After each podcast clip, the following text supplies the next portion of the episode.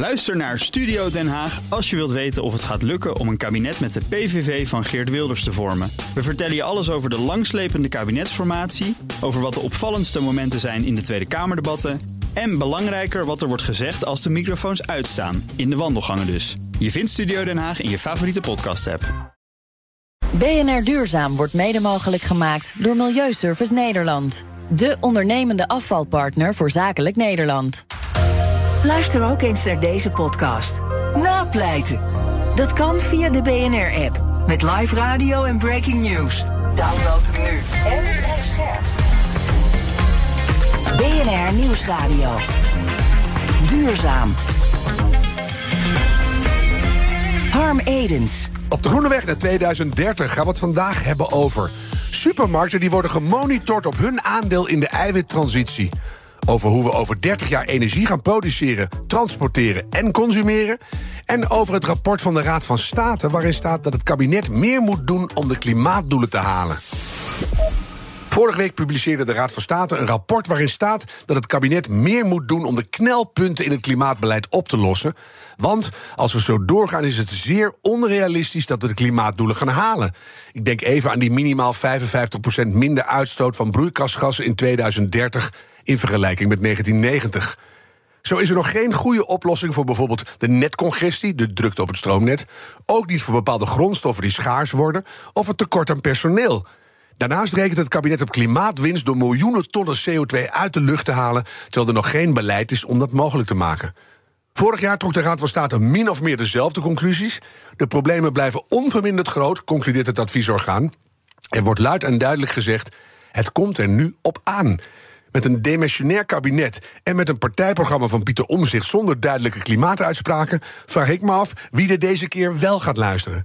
Ik ben Harm Edens, dit is BNR Duurzaam. En ons groene geweten is deze keer Muriel Arts van Impacting Today. Muriel, we beginnen met Schiphol, want die hebben iets heel groens, hè? Ja, iets heel goeds gedaan. Het gaat specifiek over beton. En daar hebben ze nogal wat van op die luchthaven. Wordt op Schiphol continu gebouwd. Elk jaar blijft er daardoor als gevolg zo'n 60.000 ton betonpuin achter. Gelukkig werd het grootste gedeelte daarvan al recycled. Vaak door middel van breekmachines of ingehuurde machines. Maar dan moest alles wel weer daarheen worden getransporteerd. Ja. En daar komt ook weer CO2 bij vrij. Maar ze hebben nu een eigen recyclingslocatie geopend op de luchthaven.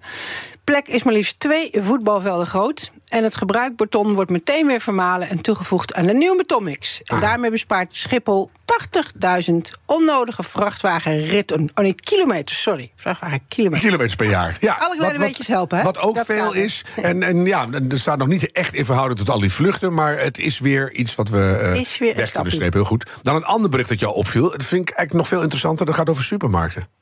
Ik vind dat persoonlijk een heel goed eh, bericht. Dat gaat over de beroemde eiwittransitie. Dus minder dierlijk, meer plantaardige of alternatieve proteïne. En ik denk dat we daar niet genoeg aandacht aan kunnen besteden. Want die transitie die zorgt namelijk voor meer dan de helft van de benodigde besparingen van de CO2-uitstoot van het totale voedselsysteem. Ja. Dus by far de meest effectieve maatregel die je kan nemen. Eh, maar ja, dan moeten we wel ander eten in de supermarkt hebben natuurlijk. En die supermarkten spelen daarin een cruciale rol. Want 70% van ons eten wordt namelijk daar verkocht. En dus ook gekocht. En dan moet je erop gaan sturen. En de Green Protein Alliance eh, die heeft in samenwerking met Proveg Nederland... en de Nederlandse supermarkten, een leuke naam vind ik... de eiwitmonitor ontwikkeld. Ja. En dat gaan ze dus monitoren. Supermarkten hebben doelen gesteld. En ze- met z'n allen gezegd: we gaan naar 60% plantaardig, 40% dierlijk. En dat kun je dus nu echt meetbaar krijgen. Mhm. Ja, Nou, en dat moet is, ook, hè, Dat is essentieel. Die supermarkten die waren nog echt een beetje aan het zoeken. Die hebben nog niet echt een eindplan waar ze heen willen. En dit is minimaal 60 plantaardig en 40% dierlijk. En als ze daarop gaan meehelpen, dan zetten ze in ieder geval een flinke stap in de goede richting. BNR Duurzaam. Waterstof speelt een belangrijke rol bij het verduurzamen van de industrie en de transportsector. Afgelopen vrijdag werd in Rotterdam het startschot gegeven voor de aanleg van het waterstofnetwerk in Europa. Dat moet straks alle belangrijke industriegebieden van ons land met elkaar verbinden. Ad van Wijk is hoogleraar Future Energy Systems aan de TU Delft en geldt al jarenlang als dé waterstofprofessor van ons land. Had je ook niet gedacht, Ad, hè, toen je eh, schoorvoetend aan je opleiding begon? Zeker niet. En uh, de eerste tijd hebben we natuurlijk uh, helemaal niet aan waterstof gedacht. Nee. Want toen moesten de, de, zonnepanelen en de windturbines worden ontwikkeld. Ja, die, die bestonden eigenlijk nog niet eens. Zo lang ga je al mee. Je gaat nu met emeritaat over jouw afscheid en je boek. Wat naast mij ligt, een prachtig boek. Gaan we het zo meteen hebben. Eerst even dat waterstofnetwerk. Hoe belangrijk is het dat dat er echt komen gaat?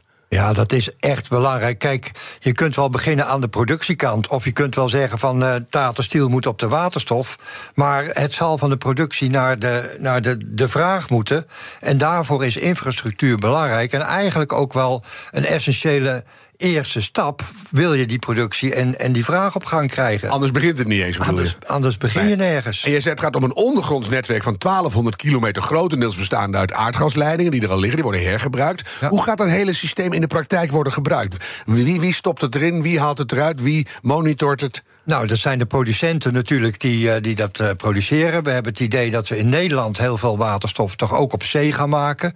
Hè, met, uh, met onze windturbines, maar zeker ook heel veel gaan importeren. Mm -hmm. Dat kan per schip, daar, daar werken we aan. Maar de belangrijkste zal ook gewoon import vanuit bijvoorbeeld Spanje of de Sahara of de Noordzee of nou ja, Noorwegen. Ja, Qatar per, hoor ik ook en Namibië, ja, allerlei namen vallen. Schip, maar ja. dat doe je per pijplijn. Mm -hmm. Want per pijplijn is eigenlijk nog weer een stuk goedkoper dan wanneer en ook volumes dan wanneer je het per schip gaat uh, importeren. En even zonder al te technisch te worden, waar hebben we het minste verspilling mee? Dat, dat je het eerst weer omzet en dan weer terug omzet? Nou, dat is een hele interessante vraag. Hè. Er wordt ook veel over gediscussieerd. Maar kijk nu even wat we doen. Als we een, een zonnepaneel in de Sahara neerzetten, dan levert dat twee tot drie keer zoveel stroom op als datzelfde zonnepaneel hier. Mm -hmm. Maar als je dat als elektriciteit wil gaan vervoeren, dan is dat ruim tien keer zo duur als wanneer je dat in de vorm van waterstof doet. Ja. En het is ook ruim 100 keer zo duur om dat op te slaan, zodat je het altijd kunt gebruiken. Dus wat is nou heel interessant, is om die elektriciteit om te zetten in waterstof. Dan kan je het veel goedkoper en uh, economischer transporteren. En dan zet je het bijvoorbeeld hier weer om naar elektriciteit. Ja. En wat heb je dan? Dan heb je minder zonnepanelen gebruikt in de Sahara-woestijn. om stroom te leveren met al die omzettingen mm -hmm. dan hier. Ja. Dus uiteindelijk dus is dat toch nog efficiënter. Met, ja, waar heb je het dan over als je het over efficiëntie hebt? Nou, is dat groene waterstof? Hè? Op dit moment is er eigenlijk alleen nog maar grijze waterstof. En dat is steam methane reforming. Het geleerd, Harm? Ja, nee, dat zegt niemand iets. Ik denk voor de, voor de, de echte diehard luisteraars. Um, wanneer komt nou, je zei het al, we hebben eerst dat netwerk nodig, dan de vraag... en dan begint het misschien te hommelen. Wanneer komt nou die productie van groen waterstof serieus op gang? Wat is daarvoor nodig? Nou, daar zie je nu in de wereld echt gigantisch grote rapporten. Hè. De IEA heeft net een, een update, een status-update gegeven. Mm. Gigantisch veel, echt multigigawatt projecten zijn in voorbereiding. Maar het is wel bij waterstof zo dat je nou, we hadden het er net over. Je moet die productie op gang brengen. Je moet je infrastructuur, je opslag en de vraag op gang brengen. En het liefst in één tempo. Ja, en daar is iemand moet de kaart trekken. En daar is toch regie van overheden voor nodig. Ja. Dus je ziet nu dat dat transportnetwerk niet alleen in Nederland, maar in de hele EU voor 2030 eigenlijk uh, in, in gang moet zijn gezet. En dan zul je ook de grote productie en, en vraag uh, krijgen. Mm -hmm. En, en Ad, waar zitten dan de hele grote uitdagingen in wat jij nou beschrijft? Wat moeten we nou oplossen met z'n allen om het echt voor elkaar te krijgen? De absolute grote uitdaging zit eigenlijk dat het tegelijkertijd moet. En dat is toch ook wel de. de ja. Kijk, bij elektriciteit was het zo: je, je had een zonnepaneel, je had al een elektriciteitsnetwerk en je had al een elektriciteitsvraag. En het was klaar. Maar bij waterstof is dat niet zo. Hè. Dus ook Tata Steel zal een hele nieuwe fabriek moeten bouwen... om eigenlijk uh, via waterstof in plaats van kolen... Ja. Uh, uh, de, het ijzer, hè, de staal te Moeten kunnen ze een hele nieuwe fabriek bouwen? Ze kunnen niet hun huidige processen nee, draaien dat is een heel ander proces. Oh, wow. de, de hoogovens die gebruiken kooks uit kolen. Mm -hmm. Maar daar heb je de, wat dan heet een direct reduced iron plant voor nodig... die eigenlijk dat waterstof gebruikt om het zuurstofatoom van, van ijzererts af te krijgen. Ja, daar zullen ze blij mee zijn in Wijk aan Zee. Of nou, wel, denk ik. Want anders kunnen ze gewoon de hele toko wel sluiten, toch? Dus, uh... Ja, dat moeten ze doen. Ze hebben ze ook uh, wel ja. gezegd dat ze dat gaan doen. En dat is echt een belangrijke voorwaarde... om van al die vervuiling, ook die lokale vervuiling, uh, af te komen, hoor. Maar dan heb je dus, je zei het al, ad, centrale regie nodig... in dit geval van de politiek, denk ja. ik... die dan op een gegeven moment ook tegen Tata zeggen... in samenwerking met de waterstofrotonde en alles wat er aan hangt... jullie hebben nog vijf jaar om het voor elkaar elkaar te boksen. En anders is het einde verhaal. Zullen we die kant dat, op moeten? Dat, dat is ook zo. je zult moeten. maar die, die, ja, dat heette dan de maatwerkafspraken in Nederland. Die worden in principe wel gemaakt. Maar daar, uh, dat is dus niet alleen die maatwerkafspraken. Dan moet dus ook die infrastructuur Tuurlijk. zijn waar we het net over hadden. Maar dan doen we alles ook tegelijk. Ja, en dat moet ook. Uh, en, en dat is ook wat we eigenlijk de laatste tijd wel zien. Want om ook die productie op gang te brengen en ook die vraag. Dan zie je eigenlijk dat we de waterstofbank in Europa hebben uh, ge, gemaakt. Die is interessant, hè? Zeker, want dat is eigenlijk de overheid die dan via tenders de waterstof koopt mm -hmm. tegen een bepaalde prijs. En het ook weer via tenders verkoopt. Ja, en dan zit er in, in het eerste begin natuurlijk nog een verschil tussen. Ja, ja en dat, dat moet dan ja. de overheid denken. Creëer je eigenlijk zeg maar gewoon uh, offtake. Hè? Je, je, je, je garandeert de markt. Je bent zeker, zeggen, van, ja. je bent zeker van dat de, de fabrikant, hè, de producenten, dat die dat kunnen Precies. produceren tegen een bepaalde Ja. prijs. En, en de afnemers zijn er zeker van dat ze dat Ja. tegen een bepaalde prijs kunnen Ja, je hebt een soort marktstabiliteit, eh, kunstmatig Ja. creëer je die om op gang te komen. Ja. En als het eenmaal een beetje loopt, dan Ja. kan je zeggen, nou dan bouwen we die bemoeienis af en dan kijken we hoe die vrije markt. Ja, en dan kan je de bestaat. markt met de prijsvorming Precies. weer opbouwen. Maar je zult aan het Misschien begin... hebben, hebben we helemaal geen vrije markt meer, Ad, want die hele wereld verandert. Nou Zou ook ja, leuk zijn. Kijk, uiteindelijk hebben we dat in het verleden ook gezien met elektriciteit, ook met aardgas. Het was eerst de overheid hè, die dat allemaal heeft Ja. gedaan. En Ja. toen dat volume in die markt kwam. Toen zijn we gaan zeggen, ja, misschien is nu een marktmechanisme om de prijs te drukken wel weer beter. Ja. Maar in het begin niet. Komen we straks ongetwijfeld nog op, want het gaat voor mijn gevoel om nog grotere dingen. Dit voorjaar hadden we Alice Krikt in het programma. En die zei: We missen een heldere waterstofvisie met duidelijke spelregels voor vergunningen. En met name ook certificeringen. Die is nodig om grote spelers in deze nog jonge branche meer zekerheid te geven over grote investeringsbeslissingen. Heeft zij een punt? Eh, absoluut. Kijk, dat is het hele, hele punt. Eh, als je nu probeert een, eh, een waterstoffabriek te, te bouwen... en ik ben ook betrokken eh, bij een aantal van dit soort ontwikkelingen... dan is er absoluut geen duidelijkheid over het vergunningenbeleid. Ehm, ja, dat moet je dus ontwikkelen. Maar ja, een gemeente weet niet hoe ze dat eigenlijk moeten doen. Nee. Ja, en dus zie je dat er eigenlijk ook. Hè, ik heb zelf nog een, een, een waterstoftankstation helpen mee te bouwen. Nou, dan wordt er bijvoorbeeld geëist dat je een vloeistofdichte vloer moet bouwen. Oh ja. Voor een gas. Maar ja, dat is wel een stuk duurder. Hoe jij erbij Ja. kijkt ook. Ja. Het is jammer dat het radio is. Ja. Dat, Ja. dat is, dat zijn, vrij stom, Ja, toch? dat is, en maar aan de andere kant, je moet certificeren eh, wat is echt groen. Eh, en hoe doen we dat? Nou, dat is ook nog niet op orde. Hoe Eh, kan dat, Ad? Want we zijn al.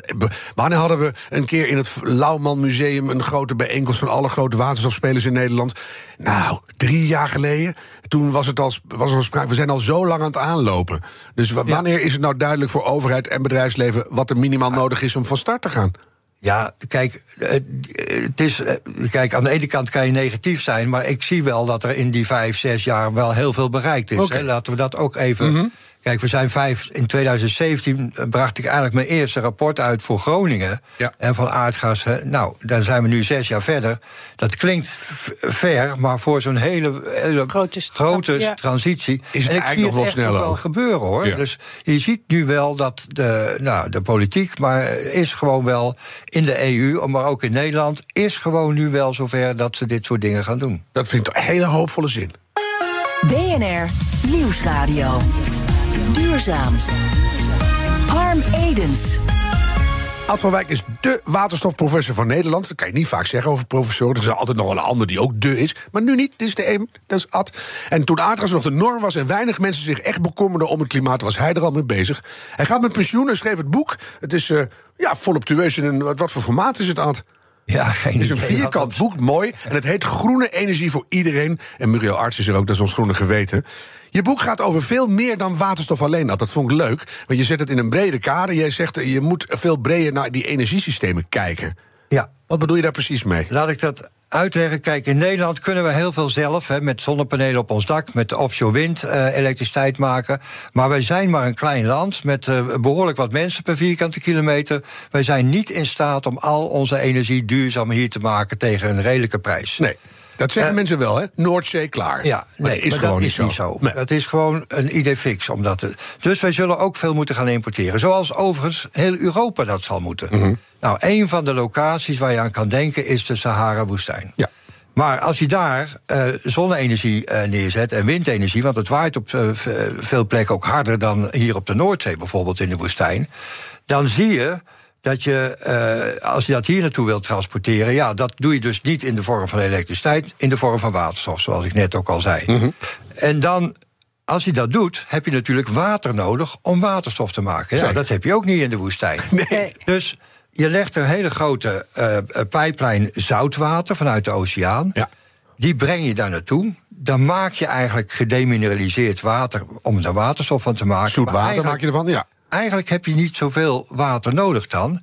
En dan, als die pijp groot is, dan kan je ook drinkwater en irrigatiewater. Als je maken. toch al die hele boel blootlegt, zeg jij. En dat is eigenlijk marginale kosten. Ja, dat vind ik wel een mooie gedachte. Dus je moet eigenlijk niet alleen de energiesystemen bedenken, maar ook het water, het voedsel. Wat, welke Nou, mensen wonen daar. Dan heb je dus inderdaad water in die woestijn. Daar kan je drinkwater van maken, maar daar kan je ook irrigatiewater en daar kan je voedsel telen.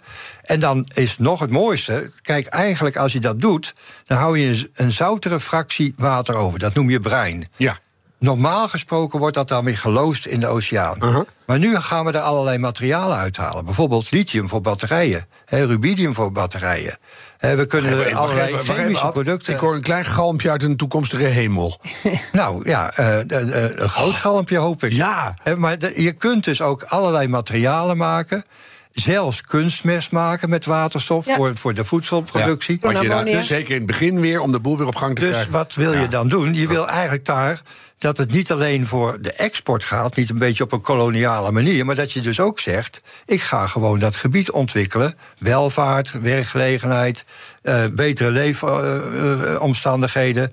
en dan ook voor de export. Als ik, het, als ik het breder zeg, we hebben gewoon een veel grotere visie nodig. Kunnen we dat zo samenvatten?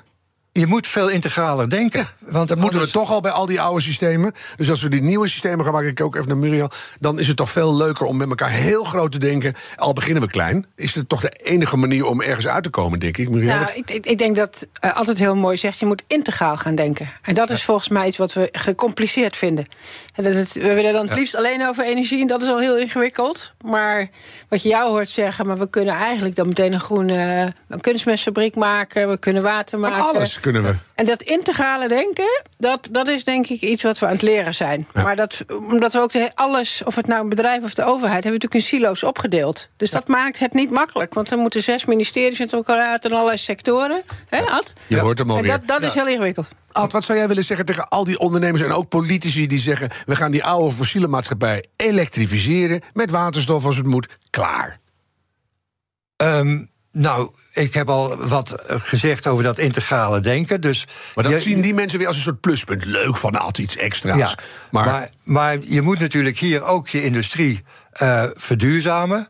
Eh, dat is niet alleen je industrie, dat is je gebouwde omgeving. Dat zijn, eh, en daar eigenlijk van zie je ook dat wij heel veel ge- hebben gekeken naar alleen maar sectorgewijze verduurzaming. En daar heb je eigenlijk veel meer ook een gebiedsgerichte du- verduurzaming. Dus ook een integralere. Want wat doe je als jij nou een, een, een oude wijk eh, wil verduurzamen... Mhm. en daarnaast ligt een bakkerij? Of laten we iets morbides noemen, een crematorium. Ja, die wat vind ik gas wel goed. wat gas nodig heeft. Hè? zou ik zelf enorme prijs hebben Ja, als ik ja. dan gewoon. eh, Maar de- dat, dus je moet ook dus eigenlijk zo'n, dat, dat gasnet gaan hergebruiken voor waterstof. Ja. Hè, en integraal kijken Ja. naar dat gebied. En Dus een niet gebiedsgebonden aanpak vind ik mooi, want elk Ja. gebied is anders. En dan kan je gewoon precies. ook leren per gebied van elkaar. Als jij dan naar 2050 kijkt, wat voor, wat voor energieoplossing voor Nederland zie je voor je? Voor Nederland zie ik natuurlijk eh, die gebiedsgerichte. Hè. Mhm. En dan is een, een, een, een plattelandsgebied met veel oude wijken en een, en een steenfabriek is heel anders dan wanneer je een nieuwbouwgebied. Dat kan je volledig elektrificeren. Heb je geen, eh, geen andere dingen nodig. Maar je moet dus meer integraal naar een gebied kijken. En je hebt een energievoorziening waar je bij twee zogenaamde zero carbon, hè, dus een nul koolstof eh, energiedragers hebt. Of drie eigenlijk. En dat is eh, voor, de, voor de mondiale markt waterstof, waar je ook mee gaat, uh, Ja. gaat handelen. Ja. landen. Aha. Voor regionaal, eh, landelijk, eh, maar ook wel daarbuiten heb je elektriciteit. En voor lokaal heb je dan soms nog eh, warmtenetwerken, want da- daar heb je ook geen. eh, Kassen en een eh, vernisverbinding. ja, kassen, maar ook woningen die eh, op, Ja. eh, op een warmte. En dat zijn eigenlijk de, de drie eh, elementen. En we moeten veel meer gaan ons na gaan denken nu. We zien, je hebt het net in je inleiding al gezegd. Elektriciteitsnet zit vol.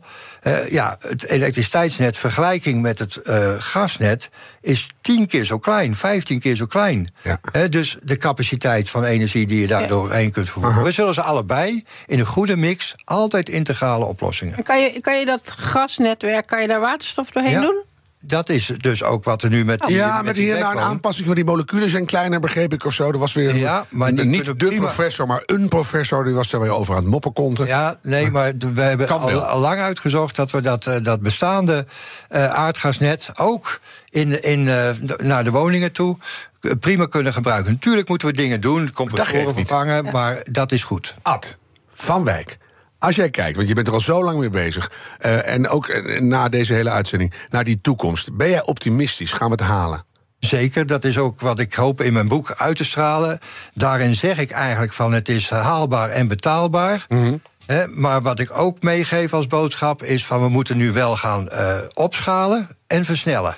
En die hele grondstoffen ellende gooit geen roet in het eten. Dat behandel ik ook in het boek. Want we hebben nu de Energy Security of Supply vaak als een doelstelling van een beleid. hè, dat we niet afhankelijk worden van, eh, van Rusland. Duistere landjes. Maar dat Ja. geldt ook voor materialen. Ja. Want eigenlijk is die overgang van fossiel naar duurzaam ook een overgang van fos- fossiel naar materiaalgebruik. Ja. En dus hebben we dat ook te doen. En dat zijn wel zaken waar we ons goed moeten. moeten dus circulariteit hè, is dan bijvoorbeeld voor zonnepanelen. Ja. Is essentieel, absoluut belangrijk. essentieel. Ja. Ja. Ik, ik kijk ook even naar jou, Muriel. Hoe, hoe ben jij na deze uitzending? Een sprankje hoopvoller? Nou, ik moet zeggen, na Jan Rotmans en nu Ad van Wijk... deze twee mensen, die eh, weten het samen. Ja. Die moet je samenbrengen. Dus ik ben absoluut hoopvol. Je klinkt een heel duidelijk verhaal. Veel te doen. Nee, maar het is toch Maar het mooie, want wel. Ad gaat nu ook met pensioen. Dus die kunnen we ook in zo'n schaduw, Ja. eh, zo'n adviesorgaan zetten. Absoluut. Ja. Ad, ik ga je bellen. Dankjewel dat je hier was. Ad van Wijk van de TU Delft. En dus nu emeritus hoogleraar. Dank voor je bijdrage. En dat zeg ik ook tegen Muriel Arts. Dan nog even dit. Annemarie Rozing groeide op in de Eimond onder de rook van Tata Steel. Samen met klimaatverslaggever Jeroen Kraan maakten ze een podcast over de milieuvervuiling die door die staalfabriek veroorzaakt werd. Hun belangrijkste bevinding: de overheid weet al lang dat daar veel misgaat, maar hebben nagelaten om in te grijpen. Tata Steel. Een reus van een staalfabriek die al meer dan 100 jaar zijn armen uitstrekt over de Eimond. Maar steeds weer komen met, met feiten van alsof ze waar zijn. Terwijl wij weten, ja, maar dit klopt helemaal niet. Het is, het is een bizar gevecht. Hoe heeft de staalfabriek zoveel grip op zijn omgeving weten te krijgen en te behouden?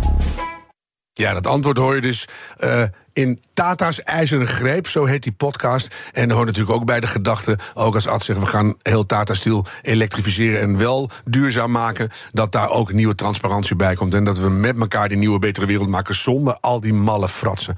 Eh, dit was BNR Duurzaam, de groene weg naar 2030. Laten we die met z'n allen nemen en een beetje doorlopen graag. De tijd van treuzelen is voorbij. BNR Duurzaam wordt mede mogelijk gemaakt door Milieuservice Nederland. De ondernemende afvalpartner voor zakelijk Nederland. Ook Bas van Werven vind je in de BNR-app. Ja, je kunt live naar mij en Iwan luisteren tijdens de ochtendspits. Je krijgt een melding van Breaking News. En niet alleen onze podcast Ochtendnieuws, maar alle BNR-podcasts vind je in de app. Download nu de gratis BNR-app en blijf scherp.